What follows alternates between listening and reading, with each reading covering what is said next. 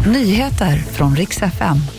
Det blir fortsatta vädervarningar för juldagen och jultrafiken. Det är stormen Pia som är på ingång. Och så ska vi prata mer om drottning Silvias kalasvecka.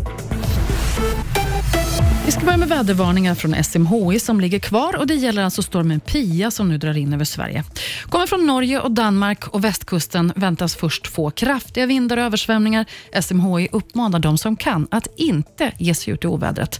I dagarna väntas det här påverka jultrafiken, inte minst runt Gävletrakten där E4 under eftermiddagen väntas snöa igen rätt rejält. Miljöpartiet ska det handla om. De vill avsätta klimatministern tillsammans med Centern och Vänsterpartiet så vill de nu väcka misstroendevotum mot klimatminister Romina Pourmokhtari. Och det här är på grund av regeringens klimatplan som de säger chockhöjer Sveriges utsläpp. Och nu gäller det för dem att samla ihop tillräckligt med röster för att kunna rösta ut henne i riksdagen. Drottning Silvia har dragit igång sin kalasvecka. På lördag är nämligen hennes födelsedag. Då fyller hon 80 år och igår redan hade hon mottagning på slottet. Hon har börjat ta emot presenter från bland annat riksdag, regering, myndigheter och olika organisationer.